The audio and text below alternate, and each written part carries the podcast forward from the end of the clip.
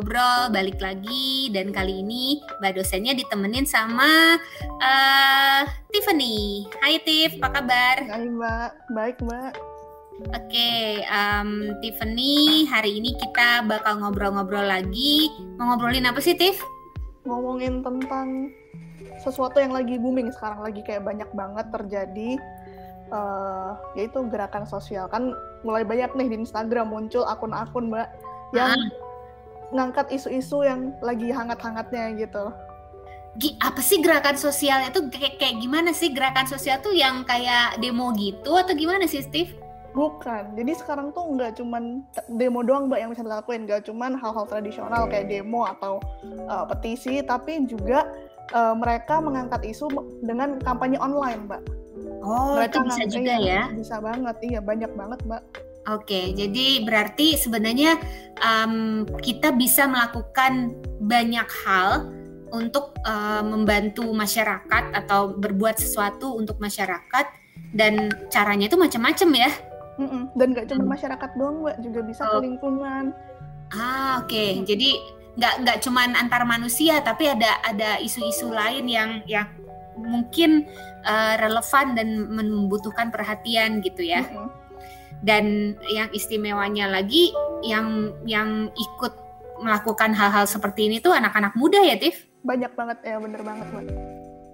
Jadi kita mau ngobrol sama siapa? Saya bukan ngobrol sama kamu kan? Bukan, bukan. Saya udah cukup satu episode aja, Mbak. uh, sekarang kita Siapa mau nih? ngobrol sama adik tingkat saya nih, Mbak. Oh oke okay, oke, okay. memangnya nepotisme. Iya jadi dia tuh uh, membangun gerakan sosial. Ini khususnya untuk hewan ya. Ah. Nah uh, kita sambut sekarang Isyanti. Halo, selamat pagi. Coba kenalan dulu, kenalan, kenalan. Siapakah dirimu? Engkau status, eh, status bukan status punya pacar, menikah atau tidak ya, tapi um, masih kuliah kan ya. Terus semester berapa? Uh, jurusannya apa? Nggak, eh, kita nggak sebut merek. ya. Silahkan, Isya. Ya, halo semuanya, nama aku Isyanti. Uh, aku masih kuliah sekarang di sebuah kampus lah pokoknya. Sama sekarang aku semester 7 mm. uh, jurusannya hubungan internasional FISIP. Oke. Okay. Oke, okay, Sya, uh, apa sih yang disebutin Tiffany tadi? Kenapa sih uh, Isya mau ngobrol sama kita? Ap apa yang yang yang sudah dilakukan gitu? Ya, aku hari ini mau ngobrol karena um, mau cerita-cerita, sharing-sharing dikit tentang apa yang sudah aku dan teman-temanku lalui bersama sebuah inisiatif sosial, sebuah gerakan baru, uh, namanya FUS. Jadi FUS itu uh, sebenarnya singkatan dari Food for Zeus. Jadi kita tuh sebuah uh, inisiatif untuk membantu kebutuhan pangan dari lembaga konservasi uh, non-profit dan juga independen. Mau cerita-cerita tentang hal itu aja sih. Oke. Okay. Um, sok cerita lebih lanjut tuh ngapain sih gitu. Oh, oke. Okay. Jadi uh, FUS itu sebenarnya dimulai tahun lalu pas pandemi uh, 2020 bulan Mei sekitaran bulan Mei bersama teman-temanku sebenarnya satu kampus satu jurusan. Terus jadi kami bertiga uh, waktu itu melihat ada banyak banget berita di media sosial yang beredar bahwa uh, satwa di kebun binatang terancam kelaparan akibat pandemi begini begini begini begini. Lalu kami tergeraklah dari berita-berita yang panas aduhai itu terus kita kayak hmm. waduh ada apa nih sebenarnya terus kita riset riset riset saat kita riset sambil kita berjalan uh, ternyata nih ada yang lebih parah dari apa yang diberitakan di media. Apa tuh? uh, yaitu uh, lembaga konservasi yang lain. Jadi sebenarnya di Indonesia itu lembaga konservasi itu dibagi-bagi jadi beberapa bentuk, beberapa jenis gitu. Kalau misalnya yang diberitakan di media itu tuh biasanya kan kebun binatang. Kebun binatang hmm. itu berbasis profit. Jadi sebenarnya mereka punya uh, cadangan lah, cadangan uang untuk uh, op operasional mereka sebenarnya karena mereka menarik uang juga dari masyarakat. Nah, ada juga lembaga yang dia memang benar-benar non profit, jadi sama sekali tidak menarik uang apa pun. Jadi mereka bekerja fokusnya hanya untuk uh, kebutuhan uh, konservasi itu sendiri. Jadi tujuannya memang rescue, uh, rehabilitasi, kemudian dirilis kembali ke alam liarnya. Jadi bukan untuk uh, kepentingan umum begitu. Jadi hmm. disebutnya lembaga konservasi kepentingan khusus karena oh. memang perannya sudah spesifik. Oke. Okay. Um, lalu yang yang Isya dan teman-teman lakukan itu ngapain? Jadi yang semenjak berita-berita itu, jadi kita tuh sekarang fokusnya lagi uh, melakukan fundraising salah satunya. Terus kita juga kampanye online untuk meningkatkan kesadaran masyarakat tentang keberadaan institusi-institusi tersebut yang ternyata jauh lebih vulnerable ya dibanding uh, institusi-institusi lain yang sebenarnya kita lebih familiar dengan kehidupan sehari-hari. Orang-orang tuh banyak banget yang nggak tahu tentang uh, status uh, status lembaganya PPS, PRS atau Pusat Penyelamatan Satwa atau Pusat Rehabilitasi Satwa. Pasti aku juga nggak, aku juga nggak tahu sih. Baru tahu, nah, baru tahu. Nah, nah, kayak apa sih itu? aku pun baru tahu ketika aku riset dengan FUS. Jadi uh, PPS PRS ini tuh yang salah satu tipe yang termasuk uh, tadi aku bilang lembaga konservasi uh, kepentingan khusus hmm. yang memang tidak uh, mencari keuntungan gitu. PPS PRS ini uh, biasanya lembaga mereka itu lembaganya uh, jelas non government tapi kerja mereka benar-benar disupervisi oleh pemerintah hmm. uh, dan memang diakui keberadaannya oleh pemerintah jadi segala um, segala kegiatan yang dilakukan oleh mereka itu dimonitor dan selalu atas persetujuan BKSDA di bawah Kementerian Lingkungan Hidup. Nah, si uh, PPS PRS ini tugasnya memang untuk uh, biasanya tuh kalau yang penyelamatan dia ya jelas menyelamatkan satwa liar yang emang ada konflik dengan manusia, kayak misalnya tiba-tiba macan masuk ke pemukiman warga kayak gitu. Terus ada uh, perdagangan bebas, perdagangan uh, satwa ilegal. Nah, nah, perdagangan satwa ini uh, kan memang dilarang oleh hukum Indonesia dan ada gakum uh, penegak hukum yang memang tugasnya untuk nangkep nangkepin lah kasarnya kayak pedagang nakal itu. Nah, nanti satwa yang sudah disita akan diserahkan kepada PPS begitu. Contohnya si, di mana sih uh, Sya, um, kita kan anak kotaan nih ya ceritanya ya gitu. Um, uh, paling dekat um, teman-teman kita tuh ada di Bandung lokasinya, base-nya. Nah, um, paling dekat dari Bandung tuh ada di mana? Uh, kalau statusnya PRS rehabilitasi uh, untuk fokusnya rehabilitasi itu ada di daerah Ciwidey. Ah, oke, okay, oke, okay, uh, okay. Namanya uh, PKEK. Jadi uh, dia fokusnya eh PKEK atau apa ya singkatannya aku lupa. Tapi untuk Elang Kamojang. Ah, oke, okay, yeah. penangkaran konservasi Elang Kamojang. Eh, pusat konservasi Elang Kamojang itu. Oke, oke, oke, oke. Terus selanjutnya selain PKEK ada juga uh, kalau yang multispesies nih ya banyak kan kalau tadi fokus elang kamojang. Kalau yang banyak hmm. spesiesnya ada di Sukabumi. Ini yang udah uh, FUS kami bersama-sama bantu. Jadi uh, namanya PPS Cikananga, Pusat Penyelamatan Satwa Cikananga. Dia ada di salah satu desa di Sukabumi di Sukabumi Selatan dan mereka ini pusat penyelamatan sekaligus pusat rehabilitasi. Jadi mereka menghandle banyak lah kasarnya. Mereka biasanya uh, kenapa Cikananga ini luar biasa begitu karena uh, dia letaknya tuh di Pulau Jawa dan Pulau Jawa tuh yang paling padat dengan perdagangan uh, satwa ilegal, satwa liar ilegal. Jadi makanya segala yang tertangkap, segala yang ketahuan dialihkannya banyak ke PPS Cikananga. Ah, jadi bisa hewannya bisa dari daerah-daerah uh, di luar Cikananga berarti? Tentu saja. Ah, sih, sih, sih, sih. Nah, aku tuh tertariknya tuh ya uh, pertama hewan bukan direct manusia ya kan? Terus uh, I didn't know you as an animal lover. Um, itu mungkin aku aja nggak tahu gitu ya. Cuman uh, ya kotak banget gitu kan ya um, kamu juga bukan tipe yang suka posting-posting gambar lucu hewan gitu kan ya? Uh, paling yang kamu posting apa? Uh, pohon. Paling dekat juga pohon gitu. Nah terus um, tambah lagi bukan juga kalian langsung ngurusin hewannya, tapi fundraising buat orang atau buat institusi yang mengurusi hewannya gitu. Jadi uh, agak-agak jauh ya gitu loh. Jauh, Terus betul. jadi pertanyaanku tuh how did you start? Why did you start? And kenapa milihnya tuh bentuk aktivisme yang kayak gitu gitu kan? Biasanya kan orang lebih dapat kepuasan kalau hands hands on gitu ya. Langsung uh, misalnya kalau ngasih bantuan sembako ya langsung gitu ngasih yeah. ke orangnya terus difoto gitu kan.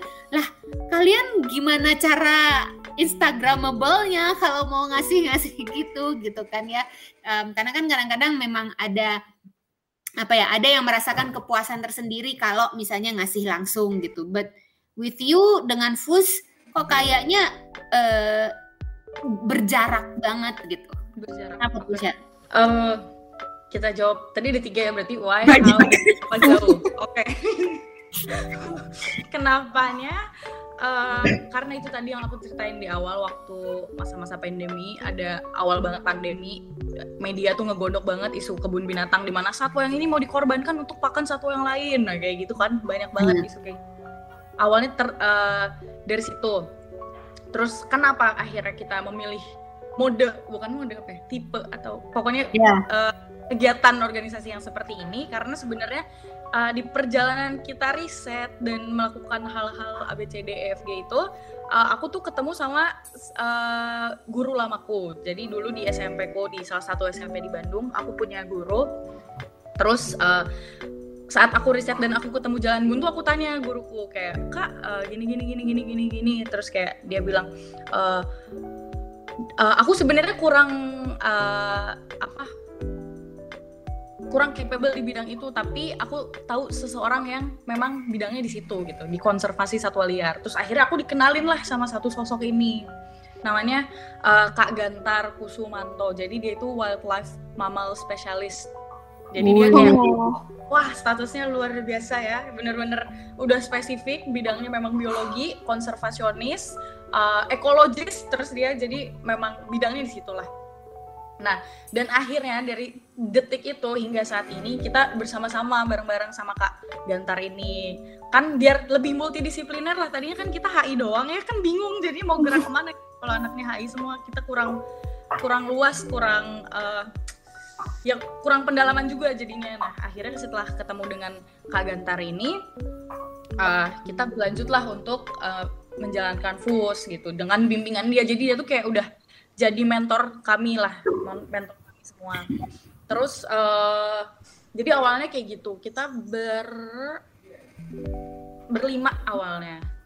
Berlima. Tapi memang uh, semakin sekarang jadi uh, berdinamika lah ya grupnya. Karena ada yang mau fokus skripsi dulu ada yang uh, banyak kesibukan lain dan sebagainya.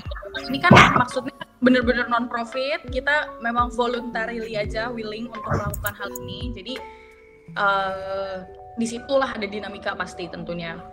Dan kenapa jauh? Kenapa jaraknya jauh?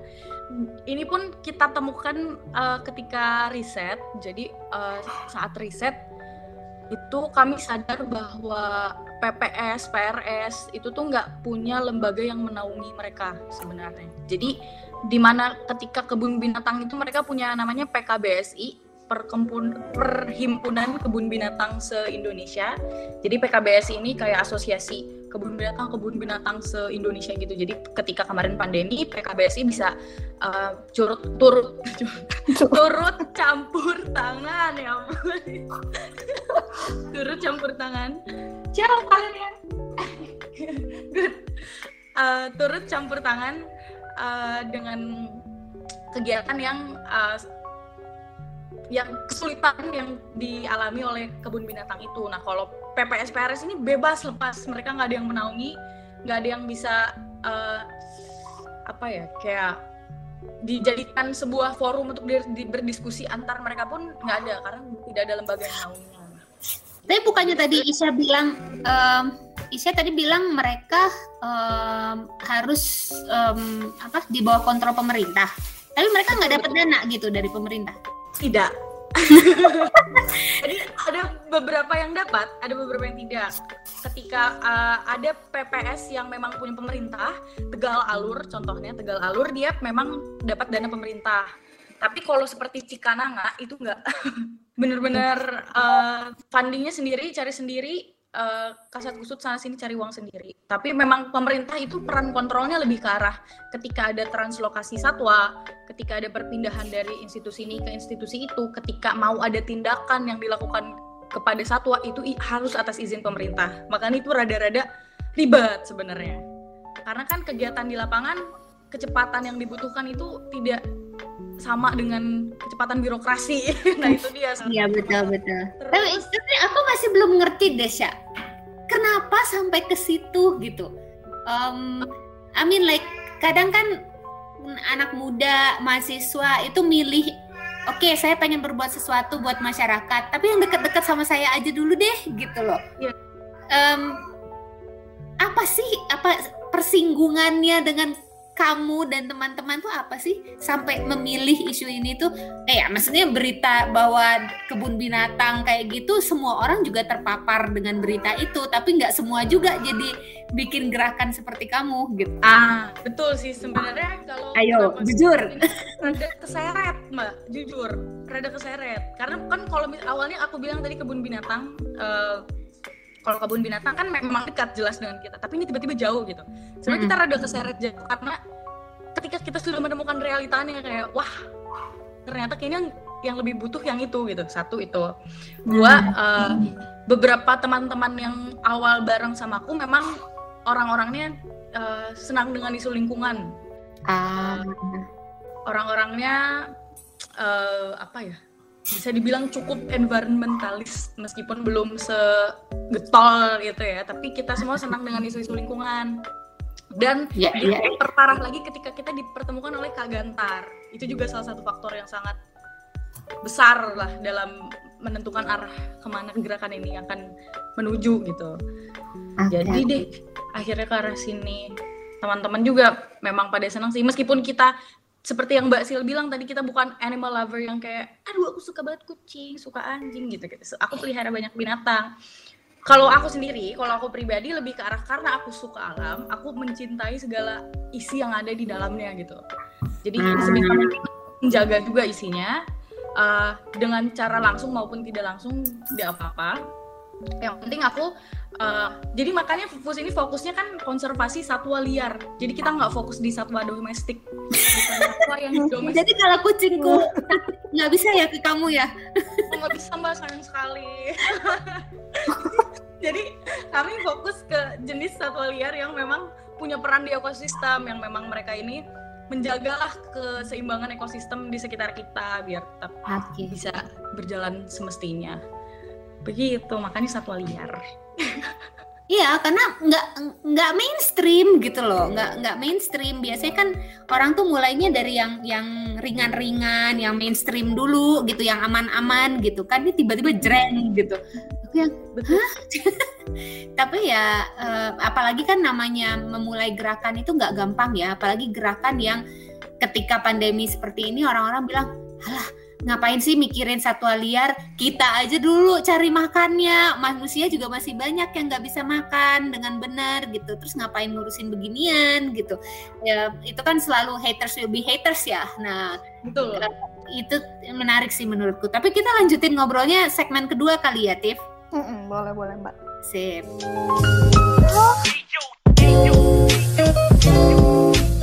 Ya, kita balik lagi. Tadi Isya udah cerita gimana uh, gerakan gerakan um, dia mulai mengurusi satwa liar dengan gerakannya um, yang yang kalau kita kasih label itu jauh gitu kan.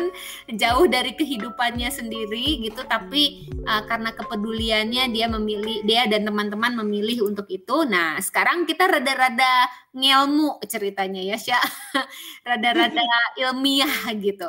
Nah kalau misalnya kita bicara tentang apa uh, eh, NGO atau non governmental organization atau uh, apa uh, gerakan sosial, you name it lah gitu kan. Nah, um, ada teori yang mengatakan uh, gerakan sosial seperti ini ketika dia menuju sebuah uh, NGO atau terlembagakan itu ada tahapan-tahapan tahapan-tahapan yang harus dilalui gitu. Misalnya ada forming, storming, norming, performing, adjourning dan ing-ing lainnya gitu. Nah, um, Tiff jelasin dulu dikit Tiff, apa sih itu? Nah, iya Mbak. Jadi pada dasarnya ada empat fase uh, perkembangan tim. Yang pertama adalah forming, di mana terjadi proses pengumpulan dan pembentukan tim yang mana anggotanya ini di awal-awal pembentukan tuh masih ramah, masih sopan ke satu sama lain. Uh, jadi kayak nggak ada konflik gitu mbak. Nah, terus yang kedua adalah fase storming, di mana tim udah terbentuk dan uh, terja mulai nih terjadi gesekan-gesekan dan konflik antar anggota dalam menentukan peran dan juga fungsinya. Nggak cuma itu, uh, terjadi juga mbak konflik uh, terkait rencana di dan tujuan di masa depan. Nah, setelah mereka melewati masa storming ini, mereka masuk ke uh, fase ketiga, yaitu norming. Nah, tapi nggak banyak sebenarnya yang masuk ke fase norming karena uh, tim tim itu perlu memahami peran masing-masing dan juga rencana ke depan sebelum masuk ke fase norming. Jadi hanya hanya ketika mereka udah memahami peran dan juga fungsinya masing-masing dan juga rencana ke depan, maka mereka bisa masuk ke fase norming. Nah, di fase ke ketiga yaitu fase norming ini tumbuh kepercayaan antara anggota yang semakin meningkat dan juga konfliknya semakin menurun. Ada norma-norma dan aturan gitu, Mbak, yang terbentuk untuk menetapkan kewajiban dan hak anggota. Nah, setelah fase norming ini, Mbak, akan ada yang namanya fase performing, di mana ada ketergantungan antar anggota. Dan di sini mulai timbul tuh Mbak yang namanya sense of belonging dan collective goal. Jadi mereka sama-sama ngerasa udah apa ya bilang satu sama lain, terus mereka sama-sama melihat tujuan yang sama akan terbentuknya tim atau organisasi ini. Sebenarnya tuh di uh, fase ini masih akan ada konflik mbak. Tapi konfliknya tuh lebih bersifat konstruktif. Nah sebenarnya uh, performing ini juga adalah fase terakhir. Tapi ada fase tambahan mbak yaitu adjourning di mana ketika organisasi dan atau tim ini uh, sudah memenuhi dan mencapai tujuannya maka yang mereka akan bubar akan selesai jadi gitu mbak kira-kira fasenya adalah yang pertama uh, forming storming norming dan performing dan juga tambahannya adalah adjourning gitu. Oke, okay. Isya um, mulainya kapan sih tahun lalu ya? ya tahun lalu bulan Mei. Ah, oke, okay. so satu setengah tahun lah ya kira-kira ya. Nah setelah satu setengah tahun di tengah-tengah kesibukan sebagai mahasiswa dan sekarang Isyanya juga lagi di luar negeri gitu kan ya, um, udah sampai tahap mana menurutmu? Menurutku saya nggak muluk-muluk sih ya mbak kita kita baru tahap kedua kok jujur baru di tahap kedua karena uh, memang membangun non profit apalagi ya organisasi seperti ini tuh tidak mudah. Ada harus dibutuhkan energi yang besar gitu untuk uh, kami semua untuk bisa menjaga dan mempertahankan motivasi kenapa kita melakukan ini gitu. Itu yang paling sulit sebenarnya. Jadi uh, memang dari awal sampai sekarang juga kami banyak uh, berdinamika di dalam tim dalam artian uh, ada yang maju, ada yang mundur, ada yang datang, ada yang pergi dan sebagainya. Uh, lalu kita memang sedang apa ya fokus sekarang sih timnya sudah lebih kompak sudah melalui tahap-tahapan yang saat awal itu yang masih ya keluar masuk sekarang nah, kita udah kan... lebih berdinamika itu kan um, apa istilah paling diplomatis untuk mengatakan naik turun gitu ya. Iya. betul betul betul. Jadi ya uh, sekarang kami sudah lebih stabil ya, sudah lebih stabil secara uh, tim.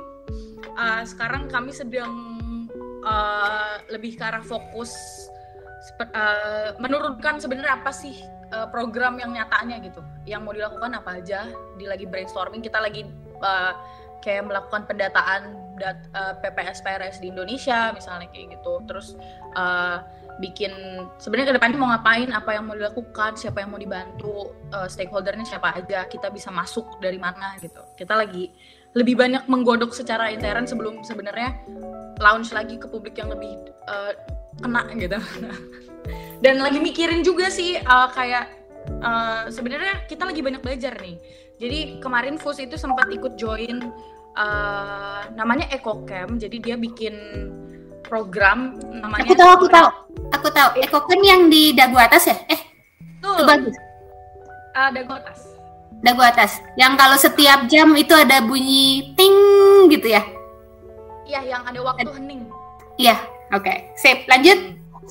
Jadi kami kemarin sempat ikut uh, program EcoCamp sama Story of Hope Indonesia namanya. Jadi uh, itu tuh kayak kita dikasih akses untuk belajar lah sebenarnya bagaimana membangun sebuah social enterprise, NGO atau community dan organisasi sejenis uh, seperti itulah dengan pokoknya dengan uh, dengan tujuan-tujuan spesifik tertentu gitu. Kita belajar di situ sebenarnya sama EcoCamp selama uh, beberapa bulan lah sama EcoCamp uh, jadi kami banyak belajar juga di situ diajarin tentang misalnya kayak itu sebenarnya spesifik sih jujur sampai diajarin tentang cara membangun proposal untuk donor. Nah kayak gitu-gitu tuh udah ada. Kita udah dapat oke nah tapi kemarin itu mungkin karena kami banyak yang sambil kuliah juga ya jadi rada-rada aduh aclok aclok. Nah itu juga tuh salah satu tantangan. Uh, rada sus uh, fokusnya bagaimana itu jugglingnya tuh rada-rada tricky memang.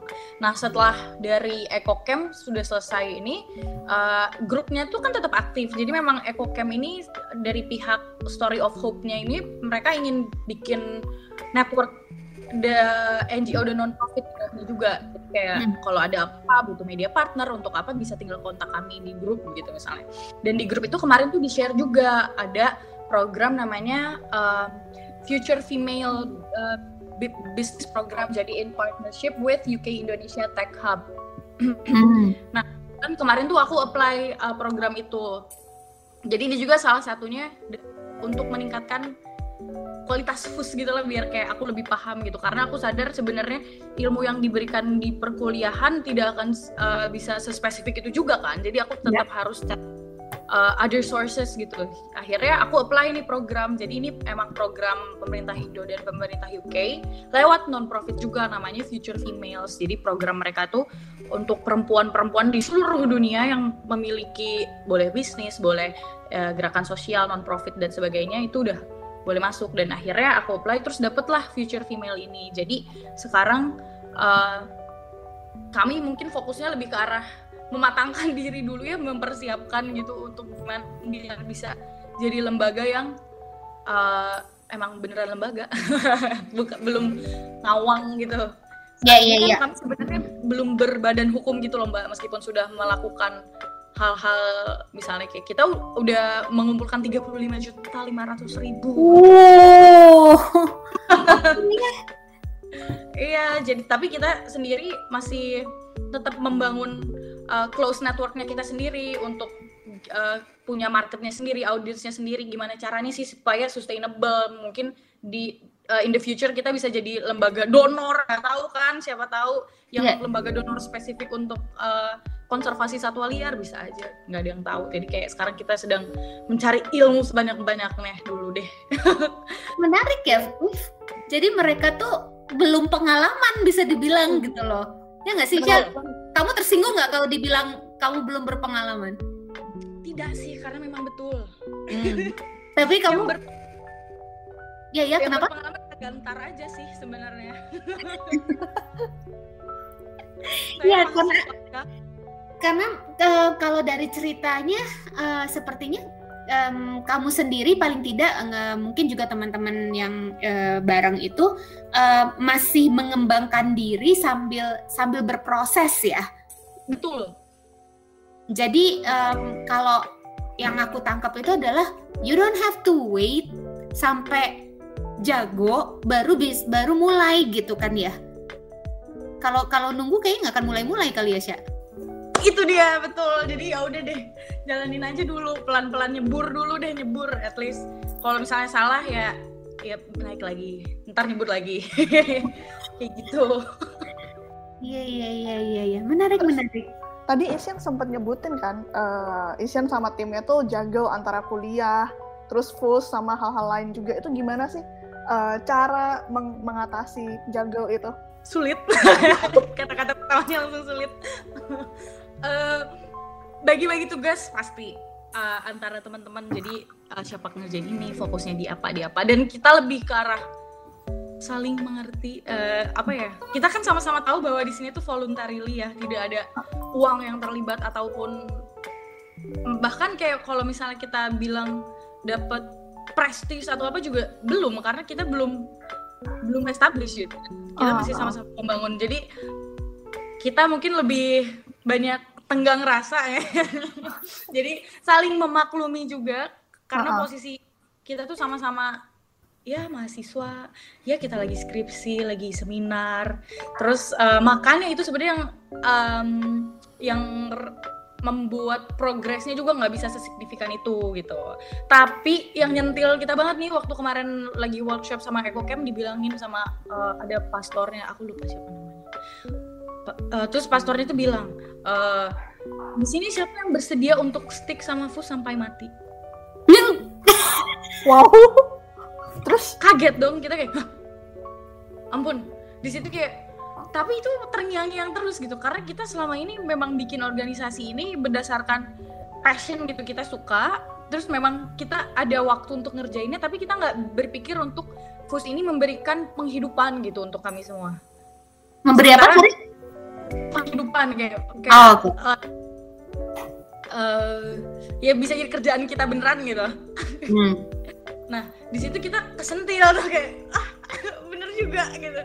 Kita selama ini ngapain? Mau sampai kapan? Lalalalalalala terus ya udah deh dari situ kita berpikir mulai berdinamika lagi dan sebagainya. Jadi memang agak sulit sih kalau sambil kuliah pagi mau tiba-tiba bikin lembaga yang udah established. Jadi memang kami sadar bahwa ini itu butuh proses jadi ya udah jalanin aja sebisanya uh, uh, se -se semampu kami gitu ya jadi sebaiknya lah selagi mengerjakan hal-hal kewajiban yang harus dituntasi ini semua. Berarti sebenarnya uh, apakah misalnya uh, pilihan belum menjadi lembaga resmi yang berdasar hukum dan segala macam itu itu pilihan secara sadar untuk saat ini, Syah? Betul, pilihan secara sadar untuk saat ini. Karena memang uh, untuk mencapai bentuk yang misalnya lembaga udah berlembaga ya kami harus pikir juga uh, lebih teknis banget lebih spesifik uh, keuangannya mau bagaimana terutama itu ya hmm. akuntabilitas kita terus kita kan uh, apa namanya fundraising ya. Jadi duit banyak duit terlibat gitu. Karena 35 juta kan rada-rada rada-rada panas gitu sebenarnya. Hmm. dan saat ini sepertinya hmm, ke arah situ belum. Tapi kita menuju ke arah situ karena kita harus mikirin juga nih sir, si sisi si, sirkular bisnisnya tuh mau seperti apa. Gimana kita muterin duitnya di dalam organisasi itu. Hmm. terus jadi uh, kemarin aku sempat ngobrol juga sama temanku yang kerja di NGO di uh, Bali NGO-nya Jepang jadi kayak kalau dari mereka mereka sar sarannya memang FUS ini kayaknya cocok untuk cari sirkular bisnisnya kayak gimana biar uh, NGO-nya sendiri itu punya uang gitu, punya pemasukan. Kita nggak cuma ngasih duit doang tanpa kitanya dapat apa-apa karena at the end of the day itu juga sama pentingnya untuk mm-hmm. diri kami. Dan kami sekarang sebenarnya lagi uh, lagi menggodok di situ gimana caranya kita bisa dapat uang, bisa sustainable ke depannya dan bisa menghidupi diri sendiri sebelum kita membantu orang-orang lain dan institusi-institusi lainnya. Begitu. Nah, itu tuh Tiff yang beda kalau dulu kan zaman-zaman aku masih muda tuh um, kerja di NGO, kerja di LSM itu tuh disebutnya voluntary, tapi voluntarynya tuh um, identik dengan tidak mencari keuntungan gitu. Nah hmm. sekarang kan itu udah bergeser ya bahwa uh, profit itu uh, sudah mulai apa ya I don't want to say dihalalkan, tapi sesuatu yang acceptable kali ya uh, di dunia gerakan ini gitu. Tapi yang lebih penting mungkin adalah profitnya itu dipakai buat apa gitu ya, Syah? Ya, betul betul.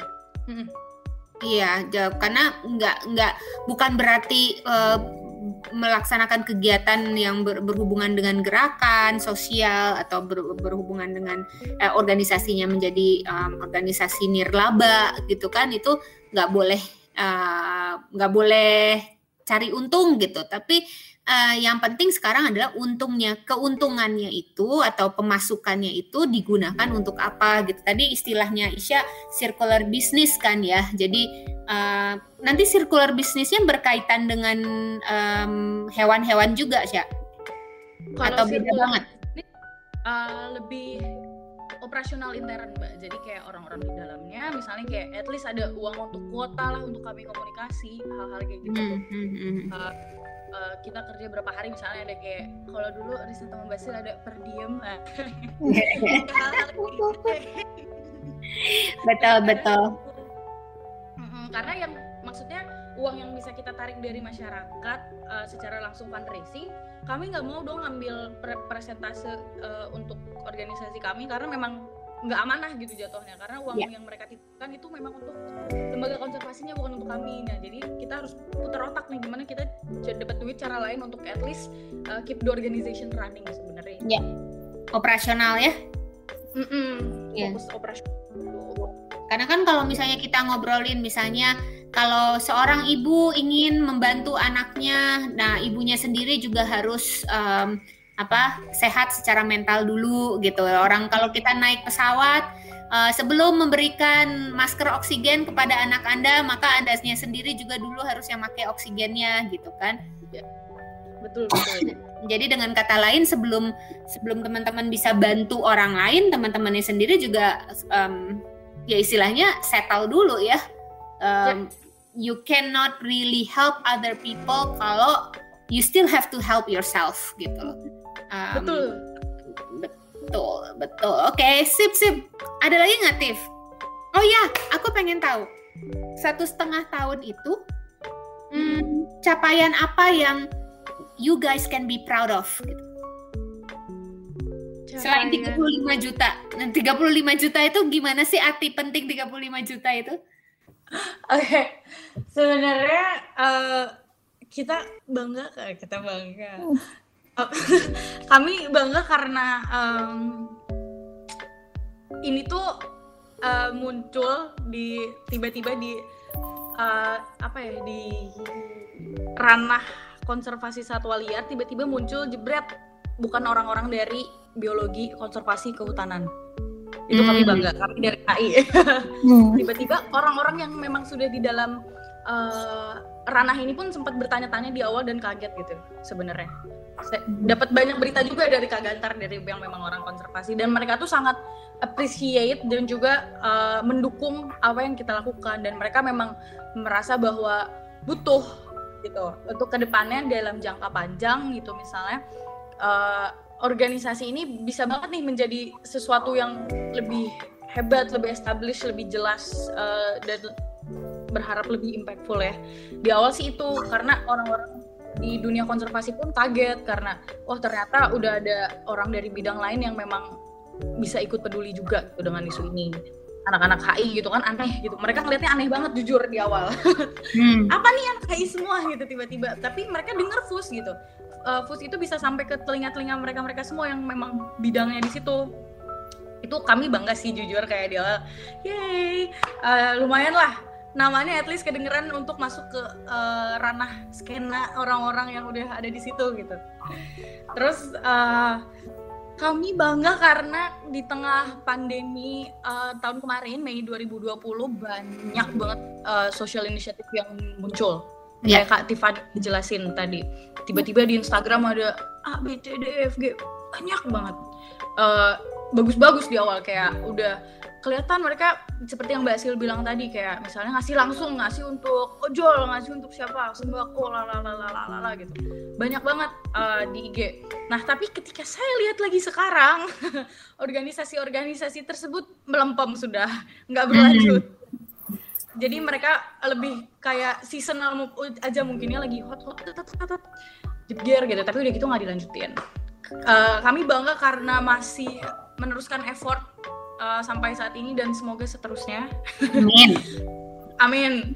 Uh, itu sih menurutku dan uh, anak-anaknya juga pada mendukung gitu anak-anak uh, teman-temanku yang memang sudah keluar gitu sudah tidak um, tidak tidak berkontribusi secara langsung mereka masih tetap tetap aja mendukung dan tetap support orang-orang yang di, udah dalam dan kayak um, bantu share informasi dan sebagainya kayak gitu sih senangnya. Senang sih di HIU eh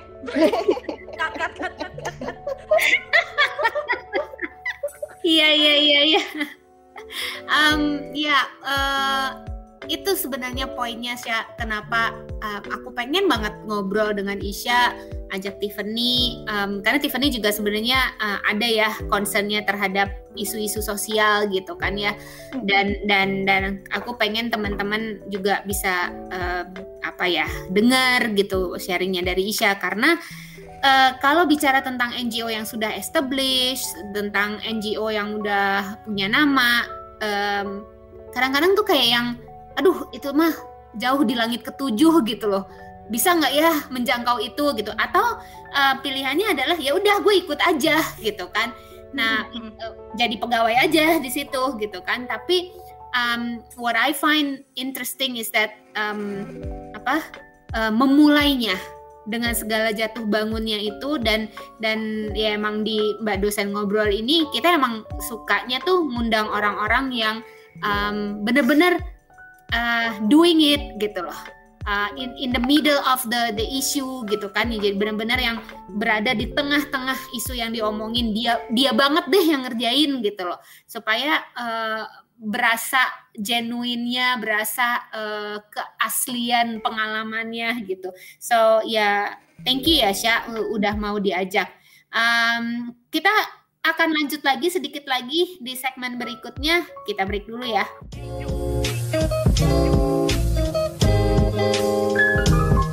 Oke, kita balik lagi masih sama Isya dengan Fusnya, uh, inisiatif yang dimunculkan untuk membantu hewan satwa-satwa liar. Um, uh, saya pikir kalau saya nanti akan melihat kamu megang satwa liar atau ngurusin gitu sih, nggak juga ya, nggak nggak kayak gitu juga. Anyway, uh, uh, untuk teman-teman yang tertarik untuk uh, melakukan sesuatu yang serupa gitu ya, uh, Sya uh, nggak harus dengan satwa liar sih, bisa dengan manusia liar alah. nah, bercanda-bercanda. Um, maksudnya untuk mengambil inisiatif gerakan sosial, um, tips apa sih, Sya? Um, baik itu untuk memulai, tapi mungkin yang lebih penting lagi adalah dari kalau kita lihat dari cerita Isya dari awal ya, sustaining ya menjaga keberlanjutan, menjaga supaya spiritnya tetap ada di situ gitu kan. Tadi istilah dinamika itu tadi kan ya. Naik turun, kuciwa, terus um, bagaimana untuk bounce back gitu-gitu kan. Nah, sok Sya, gimana Sya? Lessons learned. Oke, okay, lessons learned. Uh, ini so, pengalamanku aja ya, tapi nggak Iya, ya, lumayan lah ya. Jadi intinya kalau diffuse sendiri uh, untuk sustain sebenarnya kami uh, sadar aja sih sebenarnya bahwa yang hal yang dilakukan itu memang sebenarnya mengisi kekosongan yang ada di hal yang udah dilakukan oleh uh, pemerintah dan masyarakat sekarang. Itu jadi salah satu hal penting yang emang uh, mendorong bahwa sebenarnya ada kesempatan di situ. Kita bisa masuk di situ. Dan uh, ketika itu sudah ada dan kita getol untuk masukin ke situ kita bisa jadi sesuatu gitu. Kalau misalnya memang udah kena banget. Nah uh, tapi kita juga memang sadar bahwa dalam membangun menuju uh, sesuatu yang lebih established memang kita harus memaklumi adanya dinamika tersebut. Kita nggak boleh jadi malah uh, aduh jadi bete gara-gara kok gue kayak sendiri nggak ada yang mendukung gitu. Kita harus memaklumi sebenarnya hal-hal itu dan yang paling penting itu sebenarnya menyamakan visi sama orang-orang di dalamnya. Karena kalau motivasinya beda bakal lebih sulit untuk uh, mencapai tujuannya. Nah, kalau kak Gantar tuh dulu sempat bilang sama aku kan dia udah kayak mentorku segala macam. Aku tanya dia terus dia bilang kayak setiap orang itu punya motivasi egois egois dirinya sendiri sama motivasi yang memang uh, yang impactfulnya lah gitu. Tapi aku lupa kata-kata tepatnya apa ya. Tapi yang aku ingat motivasi egois itu. Nggak apa-apa motivasi egois itu uh, ditaruh di dalam diri kita. Kayak uh, secara egoisnya aku mau bikin fus karena ya keren aja. Orang lain ngebantu misalnya uh, ngebantu manusia gini gini gini gini gini gini. Aku ngebantu hewan loh gitu. Menurutku itu keren. Nah itu keep itu harus tetap taruh gitu di hati gue kayak uh, uh, itu yang bakal ngasih bahan bakar gitu sebenarnya. Dan motivasi satu lagi yang motivasi yang lebih impactfulnya itu yang jadi persona di luar gitu kasarnya. Kayak uh, value apa yang kita sasar gitu misalnya. Jadi emang penting banget sebenarnya untuk uh, tahu posisi organisasi atau inisiatif kita tuh di mana uh, masuk ke arah mana dan uh, mengisi apa. Sebenarnya kita tuh mengisi kekosongan nggak sih? Itu sebenarnya penting banget. Karena kalau misalnya kita melakukan sesuatu yang ada selain akan lebih sulit karena kita punya kompetitor itu yeah, yeah. bakal lebih uh, apa ya? Lebih lebih sulit untuk membangun motivasinya. Karena ya udah ada yang ngerjain ngapain kita kerjain juga gitu? Kenapa hmm. kita nggak join aja gitu? Coba tips disimpulkan apa aja poin-poinnya banyak banget ya. Lumayan berat poin-poin dari Asian hari ini tuh tapi banyak banget sih mbak. Kalau yang dari tips yang terakhir yang Asian kasih kayak kita perlu tetap punya motivasi egois tadi. Iya iya. Tuh keep us suka banget tuh bagian ya, itu. Ya aku suka banget gimana uh, mentornya Asian gambarin itu.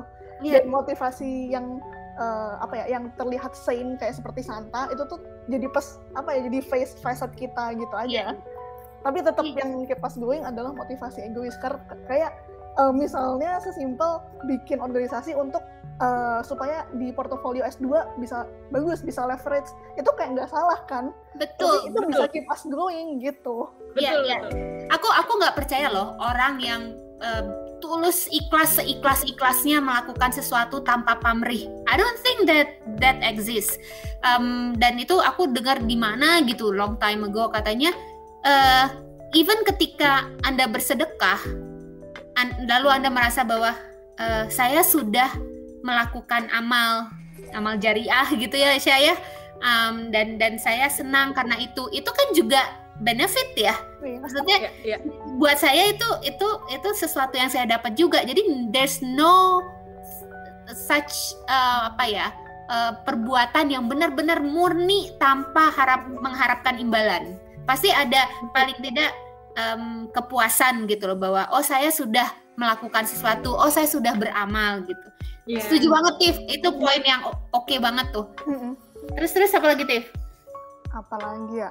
Sama mungkin itu yang sebenarnya yang menarik juga uh, gimana uh, Isyan udah bisa sustain itu juga dengan cara uh, apa ya ber istilah berempati dengan anggota sesama anggotanya. Hmm. jadi memaklumi apa yang sedang dilakukan bahwa uh, mereka sama-sama mahasiswa mereka sama-sama punya kesibukan dan ini adalah pekerjaan yang sukarela. Jadi kembali lagi uh, pekerjaan sukarela yang dikerjakan secara tanpa ada uh, duitnya sehingga ya harus ya harus dimaklumi ketika memang apa istilahnya bukan istilah ini bukan jadi yang utama ya, tetap iya. jadi prioritas tapi bukan yang utama karena mereka juga Betul. harus punya hal-hal lain gitu kan uh, gitu. ada sih duitnya 35 juta tapi bukan punya mereka gitu. iya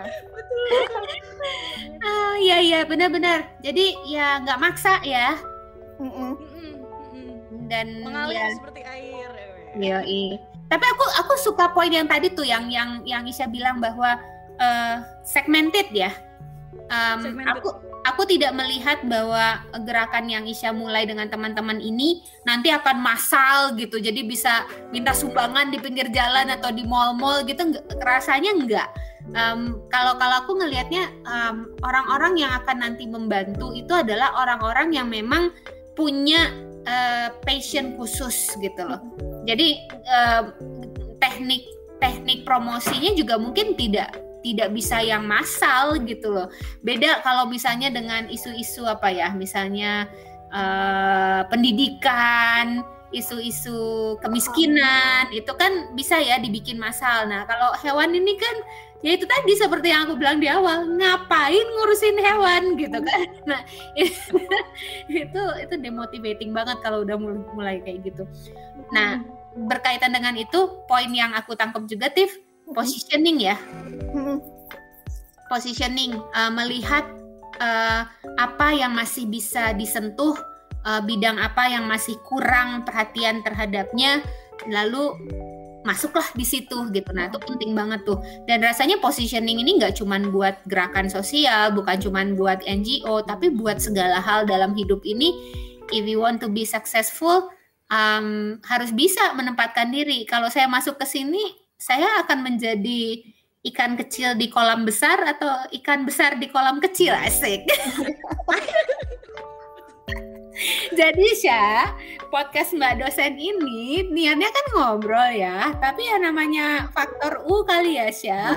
Entah kenapa di setiap titik itu selalu ada poin-poin refleksi yang uh, muncullah itu petatah petitih petuah dan uh, quotes quotes. Nggak tahu itu bakal jadi ciri khas apa gimana tapi menarik deh mbak isian ini tuh kalau ini bener nggak sih kalau misalnya FUS ini berangkatnya dari tugas kuliah atau bukan terinspirasi tapi bukan dari tugas kuliah Oh oke. Okay. Aku yang ingetnya Isya dulu, Isya dulu waktu kelas NGO tuh pernah, Mbak gimana sih bikin NGO? Pernah bilang gitu ya? Pernah, pernah. Soalnya bingung gitu. Jadi uh, terinspirasi karena dulu uh, semester semester itu kelas NGO ngomongin NGO, kelas uh, Mas Sabta tuh apa? Eh, uh, lupa namanya mau matkulnya. Iya, EPP ngomongin ekonomi politik pembangunan. Uh -uh, ngomongin peran NGO. Terus uh, kelas banyak banget deh pokoknya kelas-kelas yang ngomongin dan minta kita untuk bikin inisiatif gitu. Gender hmm. juga kan disuruh bikin sesuatu. Dari situ aku mikir kenapa bikinnya fiktif mulu gitu. Kenapa nggak sekali hmm. bikin bener? ya udah deh dari situ coba deh oh iya PSOI dulu. PSOI kan udah detail banget sampai jadi organisasi internasional gitu kan. Aku jadi kayak ya kenapa nggak sekalian aja gitu nyemplung gitu sambil karena kalau misalnya nggak fiktif aku lebih kena gitu lebih kayak dapet sesuatu lebih belajar dan lebih niat. Nanti ada gunanya juga kamu kuliah ya? Syah ada ada. Tentu saja ada mbak. Kalau kalau nggak ada gunanya kalau kalau nggak guna kayaknya nggak bakal bikin juga gitu. Terinspirasi untuk buat gitu Sip, sip, sip, sip. Aduh, kayaknya um, walaupun rada ada bagian rada-rada seriusnya, tapi I had fun loh. Maksudnya um, I got inspired. Um, aku seumuran Isya juga nggak nggak melakukan hal-hal seperti ini. Um, so um, good on you dan mudah-mudahan we will hear good things about about FUS. Karena uh, ada um, apa uh, inisiatif-inisiatif yang dimulai dari kuliah, dimulai dari hal yang sederhana lalu lama-lama menjadi besar. Bahkan ketika si orangnya itu juga berkarir di bidang lain gitu kan ya, dia berkarir tapi inisiatif itu tetap berkembang dan untuk itu dia butuh network yang besar. So mudah-mudahan uh, apa yang kita obrolin sekarang juga bisa um, sedikit berkontribusi terhadap pengembangan network Anda. Kalau misalnya ingin berkontak dengan Isya, silakan hubungi nomor di bawah ini gitu kan. ya beneran, tapi kalau teman-teman ada yang tertarik uh, mau ngobrol uh, dengan Isya, uh, silakan kontak uh, kita dulu uh, supaya kita bisa kontakkan dengan Isya gitu ya. Karena Isyanya masih ya itu masih gitu deh. Oke, okay, thank you banget ya. Thank you banget ya. Thank you banget banget Tiff udah ditemenin. Uh, mudah-mudahan uh, edisi kali ini kembali mendapat uh, menjadi inspirasi buat teman-teman. Kita ngobrol doang tapi ngobrolnya berharap bisa berguna. Thank you. Terima kasih Mbak Sil. Terima kasih Kak Tiff atas kesempatannya.